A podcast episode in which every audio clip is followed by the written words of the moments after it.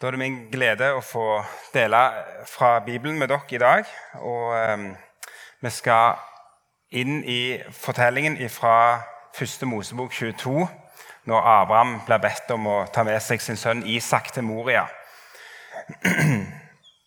Og Det er en del av uh, denne serien som en, dere har i Misjonssalen, uh, som går på truens, truens fundamenter og grunnvoller. Og i går så var jeg her i Ung-gjengen i MUF og talte. Og eh, hadde om tru, troa alene. Og da la jeg vekt på tru som tillit, men òg med at tru har et innhold som skal trus. Og Det er jo nettopp det vi på en særlig måte skal inn i i denne fortellingen. her. Eh, vi skal få se et forbilde på noe av det mest vesentlige i det som er trua sitt innhold nemlig tanken om stedfortrederen, han som går i stedet for og dør i stedet for. Så Det skal være det vi ser på i, i dag. Og Vi er kommet midt i fastetida. Det er altså midtfaste nå. Og Fasten er som kjent forberedelsen til påsken og nettopp forberedelsen til at vi skal feire at Jesus døde og sto opp igjen for våre synder. Og Da passer det godt med at vi har på denne dagen midtfaste om stedfortrederen, det profetiske forbildet på Jesus. Så Det tar vi med oss, og så skal vi altså lese i sammen fra 1. Mosebok 22, vers 1-14. Eh, så dere får bare stålsette dere for en lang passasje og sekvens. En tid etter dette skjedde det at Gud satte Abraham på prøve. Han sa til ham, 'Abraham', og han svarte, 'Ja, her er jeg'. Da sa han, Ta nå din sønn, din eneste, ham som du har så kjær Isak. Dra til Morialandet og ofre ham der som brennoffer på et av fjellene som jeg skal si deg. Så sto Abraham tidlig opp om morgenen og lesset på eselet og tok med seg to av tjenesteguttene og Isak sin sønn. Han kløvde ved til brennofferet og ga seg på vei til det stedet Gud hadde sagt ham. På den tredje dagen da Abraham så opp, fikk han øye på stedet langt borte. Da sa Abraham til tjenesteguttene.: Bli dere her med eselet, mens jeg og gutten går dit opp for å tilbe. Og så kommer vi tilbake til dere. Så tok Abraham veden til brennofferet og la den på Isak sin sønn. Selv tok han ilden og kniven i hånden, og så gikk de sammen, de to. Da tok Isak til orde og sa til sin far Abraham.: Du far. Og han sa, Ja, gutten min. Han sa, Se, her er ilden og veden, men hvor er lammet til brennofferet? Abraham svarte, Gud vil selv se seg ut lammet til brennofferet, min sønn. Så gikk de videre sammen, de to. De kom da til stedet Gud hadde sagt ham. Der bygde Abraham alteret og la veden til rette. Så bandt han Isak sin sønn og la ham på alteret oppå veden. Og Abraham rakte ut hånden og tok kniven for å ofre sin sønn. Da ropte Herrens engel til ham fra himmelen og sa, 'Abraham, Abraham!' Og han svarte, 'Ja, her er jeg.' Da sa han, 'Legg ikke hånd på gutten og gjør ham ikke noe.' For nå vet jeg at du frykter Gud, siden du ikke har spart din sønn, din eneste, for meg. Abraham så deg opp og se. Bak ham var det en vær som hang fast etter hornene i et kjerr. Abraham gikk der bort og tok væren, og han ofret den som brennoffer istedenfor sin sønn. Og Abraham kalte dette stedet 'Herren ser'. Derfor blir det sagt en dag i dag, 'På Herrens berg skal han la seg se'. Sånn lyder Herrens ord. Abraham rakte ut hånda og tok kniven for å ofre sin sønn. Den scenen er grafisk framstilt gjennom Håkon Blekens glassmaleri i Spjelkavik kirke i Ålesund. Og jeg regner med at Flere av dere husker kanskje kontroversen tilbake for ca. 20 år siden, når disse bildene ble lagt. Da biskop Bondevik først sa nei, han syntes det var for grovt å ha dette bildet som en del av kunsten i kirka. Men i 2006 så måtte han snu, og maleriet er der den dag i dag. Eller glassmaleriet. Og Grunnen til Bondevik er den samme grunnen som så mange mange, mange tusen bibellesere gjennom historien har reagert på. For dette er en fortelling som er helt uhørt. Hvordan kan Gud be Abraham om å gjøre dette? Det er skrevet mange bøker som prøver å dempe sjokket og forklare teksten. Men til tross for alle de bøkene som er skrevet, så forblir sjokket stående. Det lykkes ikke. For det er et sjokk. Og Det eneste som egentlig demper sjokket for oss, eh, er sannsynligvis at vi har hørt fortellingen mange nok ganger til at vi klarer å distansere oss ifra den. Og så er det kanskje en lite hint i fortellingen sjøl, nemlig at vi får vite helt innledningsvis at det var en prøve. Så en oppmerksom leser vil kanskje få en fornemmelse ganske tidlig om at det, det er ikke sikkert det er helt som jeg tror, dette som skjer nå. Men bortsett fra de småtingene der, så er dette et sjokk. Og vil alltid være et sjokk. For Abraham rakte ut hånda og tok kniven for å ofre sin sønn. Det er rystende. Og det må være et sjokk for Abraham òg. Denne fortellingen føyer seg inn i rekka av Abrahams vandring med Gud. Begynner i kapittel 12. Her i kapittel 22 så er det siste gangen Gud taler til Abraham i disse her, denne sekvensen av beretninger om Abraham sitt liv. I 1. Mosebok 12 så fortelles det om hvordan Gud talte til Abraham og kalte han til å dra, til å bryte opp. Og I den jødiske tradisjonen så kalles 1. Mosebok 12 for lech lecha, som betyr bare 'dra du'. Altså, Det er en såpass eh, viktig ting i den fortellingen at selve fortellingen har blitt kalt opp etter den formuleringen. Så 1. Mosebok 12 heter bare 'dra, du' i den hebraiske bibelen. Abraham han måtte forlate hele sin fortid sitt hjemland, sin klan, sin familie. Legge det bak seg og dra det som Gud sa han skulle dra. Og Så fikk han med seg et løfte. Han skulle bli et stort folk. Han skulle bli velsignelse til velsignelse for alle folkeslag. Og det var nødvendig å bryte opp for at det løftet skulle kunne realiseres. Dra du, første Mosebok 12. Sånn begynte Abrahams vandring med Gud. Med denne befalingen dra du. Det som er litt spesielt, er at eh, kapittel 22 begynner òg med det. Dra du, står det i vers 2. Lech lecha. Der står den samme litt spesielle formuleringen en gang til, for andre gang i Abrahams-fortellingen. Løftet om en sønn har gått i oppfyllelse. Abraham har i mange tiår bodd i det landet Gud hadde lovt ham. Og så får han på nytt denne befalingen. Dra du. Dra du til den plassen som jeg skal vise deg. Men denne gangen er offeret mye større enn det var første gangen. For nå skal han ikke bare gi avkall på fortida si, som han måtte gjøre den gangen når han var 75. Nå skal han gi avkall på framtida si. Ta din sønn, din eneste, han som du har kjær, Isak. Abrahams framtidshåp. Ta han med deg. Dra du til den plassen som, Gud, som jeg skal vise deg. Og der skal du ofre han som et brennoffer. Hvor høy er vel ikke prisen for Abraham? Jesus sa om noen vil komme etter meg, må han fornekte seg sjøl og hver dag ta opp sitt kors og følge meg. For den som vil berge sitt liv, skal miste det, men den som mister sitt liv for min skyld, skal berge det. Hvor høy er vel ikke prisen? Det er helt oppsiktsvekkende hvor høy prisen er. Og Selv om dette må ha vært et sjokk for Abraham, og nok er det, så er det en slags taus resignasjon i hans reaksjon. Eh, jeg tror at Hvis Gud hadde bedt Abraham om å ofre Sara, så tror jeg faktisk Abraham hadde protestert. Da tror jeg Abraham hadde reagert annerledes. For til alle tider i menneskeheten så har det eksistert en slags fornemmelse om at det er nødvendig med et offer for å gjøre opp saken med Gud, for å få fred med Gud. Men det har aldri vært noen kulturer hvor offeret har vært ektefellen eller foreldrene. Det er akkurat som det gir litt mening at skal du ofre noe, så må du i hvert fall gi avkall på det aller kjæreste du har. Framtida di. Etterkommerne dine.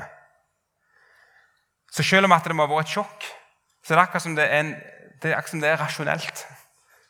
Abraham reagerer ikke med protest og opprør det som det er i han en tanke om at det gir litt mening at jeg skal gi avkall på det viktigste og tro på Gud. Og fordi, Litt av grunnen er nettopp for at i kulturene rundt i Israel så finner vi spor av det. Vi finner spor av at det ble praktisert menneskeofring. Blant annet så leser vi i 2. kongebok 3 om en beleiring av Moab. Krig mellom Israel og Moab, nabolandet. Og Da leser vi at kongen av Moab midt under beleiringen tok med seg sin sønn opp på muren og ofra han der som et brennoffer. Og så så eh, Israel og Judas konge det som skjedde, og reagerte så kraftig at de brøt opp og avbrøt krigen.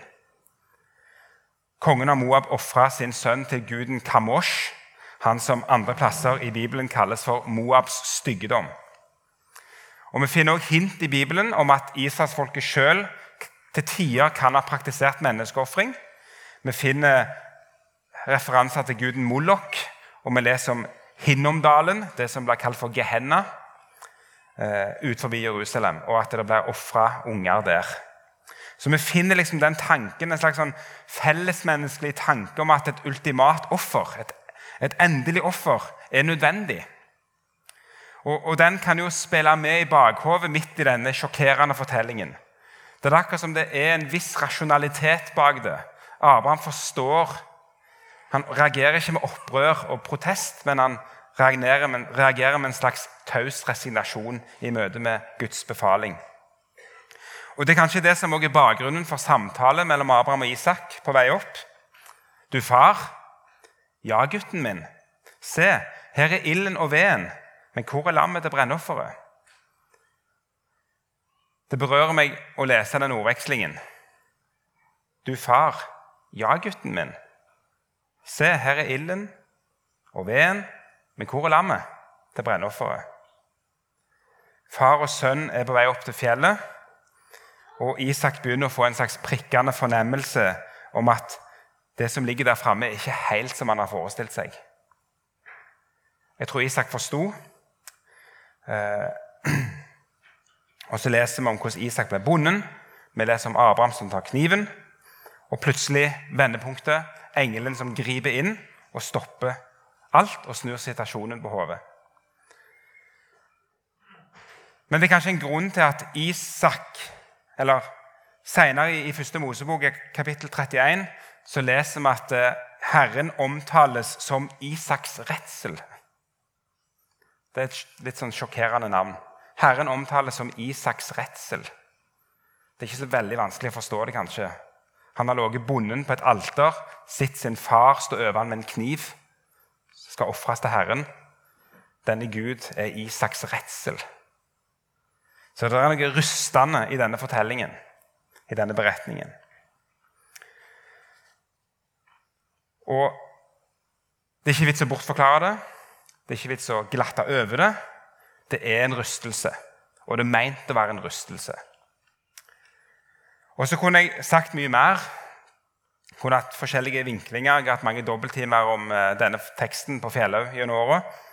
Eh, det mangler ikke ord som kan sies. Men det som jeg særlig har blitt bedt om i dag, er å si noe om hvordan denne fortellingen kan fungere som et profetisk forbilde på Jesu offer for oss på Golgata. Og Det skal jeg gjøre, og jeg skal gjøre det med å si både noe om Isak og noe om væren. Så får dere være med på de to eh, punktene der. Eh, gjennom kunsten og gjennom bildene som vi kanskje lager oss i hodet når vi leser denne beretningen, så er det langt ifra uproblematisk at Isak fungerer som et forbilde på Jesus. Det framstår som djupt problematisk. Vi ser for oss den lille lubne femåringen som trasker på sida av sin far. Scenen blir ganske grotesk og makaber. Og Da dominerer protesten, og protesten bør kanskje dominere. Hvorfor, Gud? Hvorfor gjør du dette her? Men det som er litt spesielt, og som vi skal ta med oss, uten at det glatter over eller forklarer noe nødvendigvis, det er at i den jødiske fortolkningstradisjonen så er det et, nesten et bedre grunnlag for å trekke linja fra Isak til Jesus. For det er to opplysninger i teksten som alt på Jesu tid ble fanga opp av fortolkerne, og som gjorde at de tenkte seg at Isak var en voksen mann. Så la meg gi dere de to detaljene. Den første er litt obskur. I kapittel 23 så leser vi at Sara dør. Og I den jødiske tradisjonen, altså i kapittelet rett etterpå. Og I den jødiske fortolkningen så skriver de Sara ble så sjokkert da hun hørte hva Abraham hadde gjort, at hun døde på flekken. Og det kan vi nesten forstå. Sjokket gjorde at hun døde. Men det som er interessant i den forbindelse, det er at det står at Sara var 127 år da hun døde. Hun var 90 da hun fikk Isak. Med andre ord, Det forutsettes at Isak var 37 faktisk, i, i den eh, tradisjonen. En annen ting som de påpeker i den jødiske fortolkningen, det er at Isak ble bonden. Det er ingen offer i Det gamle testamentet og i Bibelen som ble bonde. Eh, og det, det kunne ikke rabbinerne unngå å merke seg. Det er kun ett offer som bindes. Det er Isak. Og Derfor så har de i en gammel fortolkning har de lagt inn en liten dialog mellom Abraham og Isak for å liksom kaste lys over det faktum at Isak ble bonden. Og Den er interessant, for den er som følger. Isak svarte ham og sa til sin far Det er rett for han binder han. Bind meg fast, så jeg ikke kjemper imot pga. redselen i min sjel slik at det blir feil ved offeret, og jeg blir kastet i ødeleggelsens dyp. Abrahams øyne møtte Isaks øyne, og Isaks øyne så de høye engler. Abraham så dem ikke. De høye engler sa, 'Kom og se, to unike mennesker i verden.' En som slakter, og en som blir slaktet. Den som slakter, nøler ikke, og den som blir slaktet, strekker ut sin nakke en sånn spesiell dialog og forklarende setning som er lagt inn. Det er en tolkning, og poenget er å få fram at Isak er frivillig. Bind meg så jeg ikke av redsel skal kjempe imot, sier Isak i denne dialogen. Og Poenget er å si Isak er frivillig. Han er villig til at dette skal skje med han, er fortolkningen bak det at han ble bonden. For de ser på han som en voksen mann som vet hva som skal skje, og som likevel aksepterer det, og som forsikrer seg om at eh, han ikke skal få muligheten til å avbryte det fordi at han er sterkere enn sin far. Og Det er bare en tolkning, og vi skal ikke legge mer i det enn det. Men det som er interessant, er jo at eh, det med den frivillige gjør jo at det begynner noen tanker å, å strømme opp hos oss når vi tenker på koblingen til Jesus. Det er en, det er en som frivillig går med på dette her. I tillegg så kjenner vi jo fra starten av fortellingen Det står om din sønn, din eneste, han som du har kjær. Tankene går vel fort til Johannes 3, 16, den enbårne sønnen. Eller når Jesus blir døpt, og Gud som taler fra himmelen. 'Dette er min sønn, den elskede.' Hør han. Sånn, den elskede, eneste sønn som skal dø, og som gjør det frivillig, ligger dermed unna. Og så har I Kirka sin fortolkningstradisjon så har han også gjort et poeng av at Isak bærer veden opp til fjellet. Og I den hebraiske teksten så er det ikke et eget ord for ved. Der står det bare tre. Sånn som vi møter denne her som bærer treet sjøl. Treet som han skal ligge på når han blir ofra. Så Det gjør at det er mulig å tegne et bilde av den enbårne, elskede sønn som frivillig går opp til offersplassen, som sjøl bærer treet som han skal ligge oppå. Og Derfor har det alltid vært trukket en parallell mellom Isak og Jesus. Samtidig så er det ikke bare enkelt å, jeg, å trekke den parallellen. Det ene er at du må presse det litt. Du må legge inn noen forutsetninger for å gjøre det spiselig. Eh, for hvis ikke så ser det makabert ut. Eh, og særlig fordi det er lett å tenke en sånn bilde av far som ofrer sin sønn, eh, og overføre det på den trenige Gud. Det er ikke uproblematisk. For Bibelen taler veldig tydelig om at Jesus er Gud. Så det er ikke sånne maktforhold her, der det er den mektige far som ofrer sin hjelpeløse sønn. Jesus, vi tror at Jesus er sann Gud og sant menneske. Og Bibelen taler om at Jesus gir seg sjøl. Det er Gud som gir seg sjøl som et offer. Så, så det å bare trekke denne parallellen sånn helt, helt u, ureflektert kan skape et bilde av forsoningen som blir skeivt. Derfor har en i den engelsktalende verden snakket om en kosmisk barnemishandling som en kritikk imot hele forsoningslæren i Bibelen. Men Bibelens forsoningslære er ikke en kosmisk barnemishandling. Det er ikke en mektig far som dreper sin sønn. Men det er en mektig sønn som er sann Gud, som gir seg sjøl frivillig.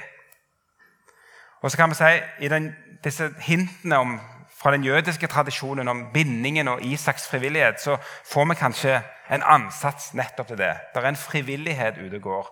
Eh, men når vi skal tegne, bruke denne fortellingen som et forbilde på Jesus, så må vi passe oss litt, sånn at vi ikke tegner et bilde som er forkjært. For Bibelen taler veldig tydelig om at det er en frivillig eh, ting Jesus gjør når han gir seg sjøl som et offer for våre synder. Så Det var en liten sånn parentes, teologisk parentes som jeg synes er viktig å ha med når vi bruker denne fortellingen som et forbilde. For Jeg tror han kan gjelde som et forbilde, men vi må være oppmerksom på hvordan vi snakker om det. For Jesus gikk frivillig, og han gikk som sann Gud til Golgata. Og sant menneske. Så Det er det første punktet jeg ville understreke. Og Så ønsker jeg punkt, ta fram punkt to, nemlig denne her væren som ofres i stedet for. Som kanskje på en enda sterkere måte blir et bilde på stedfortrederen som dør i stedet for.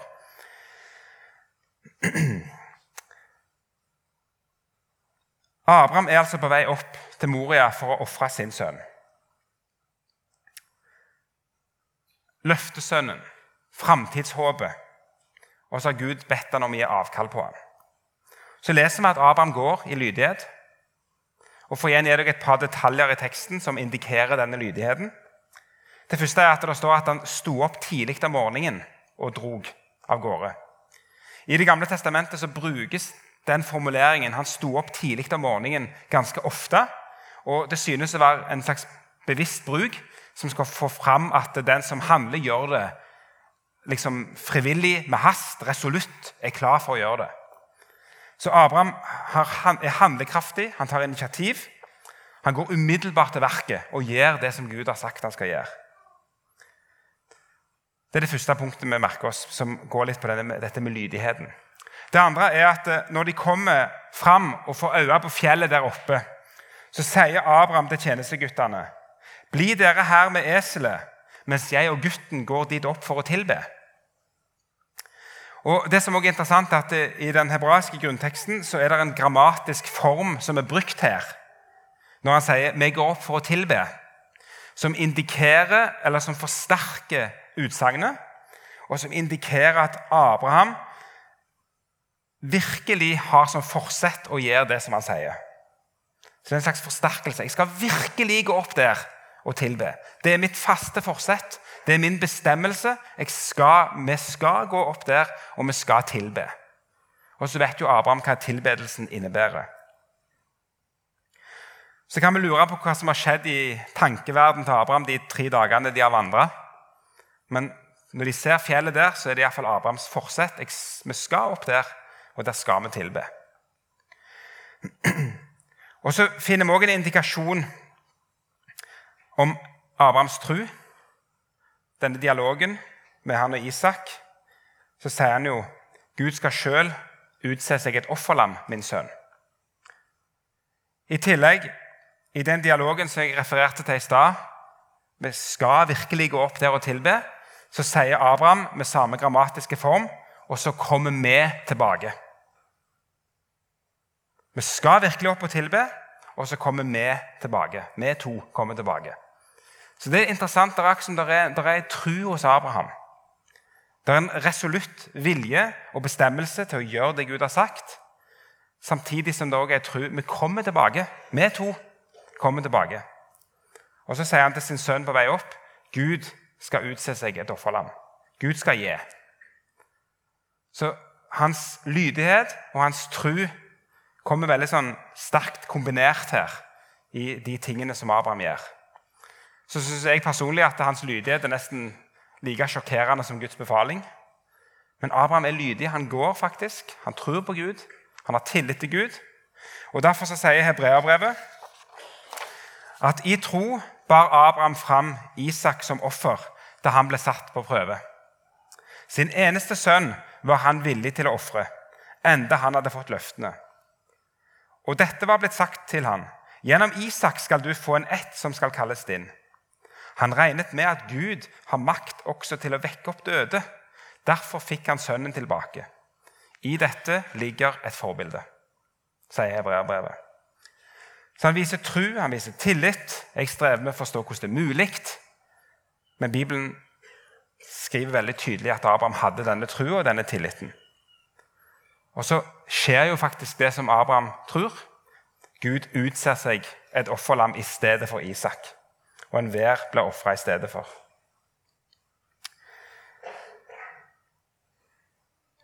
Og så slutter beretningen, og det skal, skal være en ting jeg ønsker å understreke. Beretningen slutter med at Abraham kalte denne plassen for Herren ser. Det var det navnet Abraham ga til denne plassen. Herren ser. Så legger forfatteren av teksten til derfor blir det sagt den dag i dag på Herrens berg skal han la seg se. Herren ser, på Herrens fjell der lar han seg se. Og Det som er interessant med det utsagnet der, 'Herren ser', det er at det, det, er identisk med det som Abraham sier i vers 8, når han sier at 'Herren skal utse seg et lam'. Så, han, så er det akkurat likt sagt. Herren ser, Herren utser seg et lam.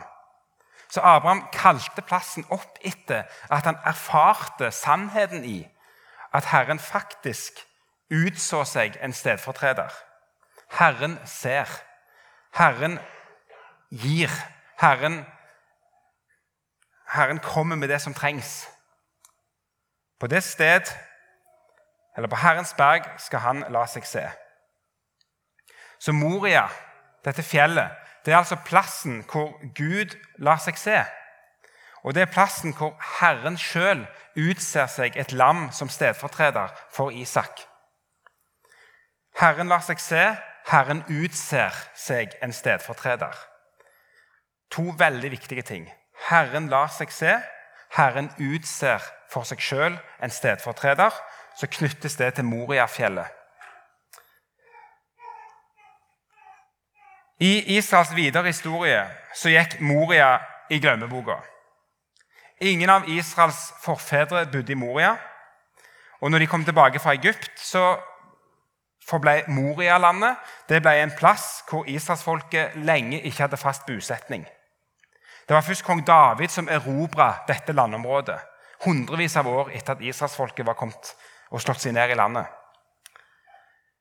Men så, på slutten av Davids liv så skjer det en veldig dramatisk hendelse.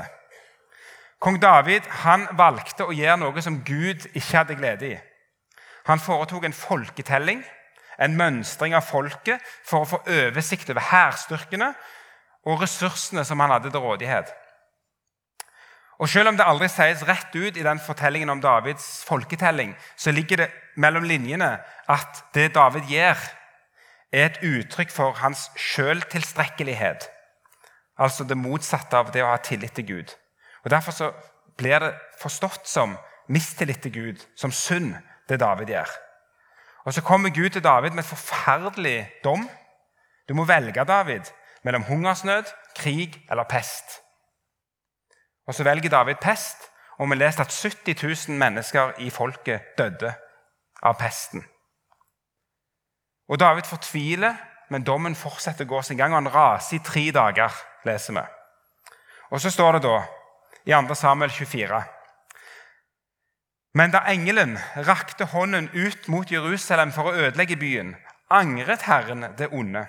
Han sa til engelen som herjet blant folket, 'Det er nok.' Trekk nå hånden tilbake. Herrens engel sto der på treskeplassen til jebusitten Aravna. Da David så opp, fikk han øye på Herrens engel, som sto mellom himmel og jord med løftet sverd i hånden. Det var rettet mot Jerusalem. De eldste kastet seg da til jorden kledd i sekkestrie. Så På denne treskeplassen så står på dag tre av dommen Herrens engel med lufta sverd mellom himmel og jord. Enda en gang så står israelsfolkets framtid på spill, sånn som de, gjorde den gangen når Abraham hadde bundet Isak fast til alteret. Men enda en gang så lyder det et stopp fra himmelen. Og Så leser vi at David ender opp med å kjøpe denne treskeplassen. Så bygger han et alter for Gud. Og Noen år senere, når Salomo skal bygge sitt tempel, så leser vi at Salomo begynte å bygge Herrens hus i Jerusalem, på fjellet Moria, der Herren hadde vist seg for hans far David. På plassen David hadde gjort i stand, på treskeplassen til jebusitten Aravna eller Ornan. På Herrens fjell lar han seg se. På det fjellet som Abraham opplevde at Herren lot seg se, og at Herren utså seg en stedfortreder. På det fjellet fikk også David se Herren, eller Herrens engel, og på det fjellet ble tempelet bygd. Og Symbolikken i Det gamle testamentet og liksom linken og parallellen er ikke til å unngå.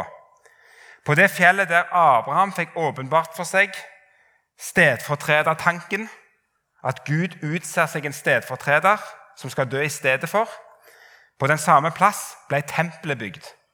Tempelet som nettopp var plassen der alle Israels stedfortredende offer skulle bæres fram. Så Derfor er denne fortellingen om Abraham, Isak, væren det er en fortelling som først og fremst legger grunnlaget for stedfortredertanken. Og legger grunnlaget for at tempel og tempelområdet var den plassen der stedfortrederen skulle være. Men så leser vi i Johannes-evangeliet at Jesus står fram. Og Jesus sier at dette tempelet her skal rives ned og bygges opp igjen på tre dager. Så legger Johannes til han talte om sin kropp. Det er Jesus som blir tempelet. Det nye tempelet. Og Derfor er det også at det som er søndagens pregetekst i dag, fra Johannes 11, møtereferatet fra de indre gemakkene hos Israels ledelse, åndelige ledelse, hvordan skal vi få rydda Jesus av veien? Så sitter de og diskuterer ulike løsninger. Og så er det at øverstepresten Kaifas taler profetisk uten å vite om det. Dere tenker ikke at det er bedre for dere at ett menneske dør for folket, enn at hele folket går til grunne. Og så lander de på at vi må ta han av dage. Det er bedre at én dør for alle, enn at alle dør. Stedfortrederen. Det er en som må dø i stedet for folket. Johannes skriver han visste ikke hva han sa, men han talte profetisk, for han var øversteprest det året. Så brukte Gud Kaifas skitne motiver til å fortelle til oss om stedfortrederen og nødvendigheten av stedfortrederen. Og så var det blitt beredt i Det gamle testamentet, bl.a. her i kapittel 22 i første Mosebok, Moriafjellet, han som går i stedet for, og ofres i stedet for, tempelet og så er det Jesus som er den endelige stedfortrederen, han som dør i stedet for folket. Herren vil sjøl utse seg et lam, sa Abraham. På fjellet skal Herren la seg se. Herren ser. Herren utser seg. Og Så leser vi jo i Johannes 1 døyveren som står og peker. Der er Guds lam, han som bærer verdens synd. Og så er det de ordene vi kanskje til slutt må ty til. Og når vi stiller oss spørsmål om hvordan kunne Gud behandle Abraham og Isak så tøft, var det verdt det? For å gi oss et forbilde så kan vi gjerne ikke gi et endelig svar på det, men vi kan i hvert fall si der er Guds lam. Han er det.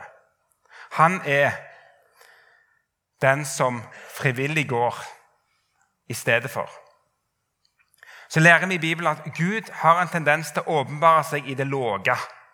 Gud åpenbarer seg i det som vi forskrekkes over, det som vi vil forkaste. Han er et tegn som skal bli motsagt, ble det sagt om Jesus. Han er et tegn som skal bli motsagt. Og Derfor er denne fortellingen i 1. Mosebok 22 både en av de mest sjokkerende og skandaløse tingene Gud gjør i hele Bibelen, samtidig som han peker fram på det største av alt som Gud gjorde. Nemlig å gå sjøl i stedet for oss. I stedet for deg, i stedet for meg. Sønnen som frivillig gikk opp fjellet og sjøl bar offertreet. Lammet som, som ga seg sjøl i døden for deg og meg. For det var virkelig bedre at én døde for hele folket. Og vi kan ikke annet enn å takke Gud for den gaven. Han sendte Jesus for å dø for oss. Og så er dette et forbilde på det. Så avslutter vi med å be. Gode Gud og himmelske Far, vi lover å prise og takke deg, for du ga deg sjøl. Du kom til vår jord, du døde for oss, og du sto opp igjen. Og takk, Herre, for at vi skal få tro det midt i alle ting. Uansett hvordan vi har det, så skal vi få tro at du, Gud, kom for oss. Amen.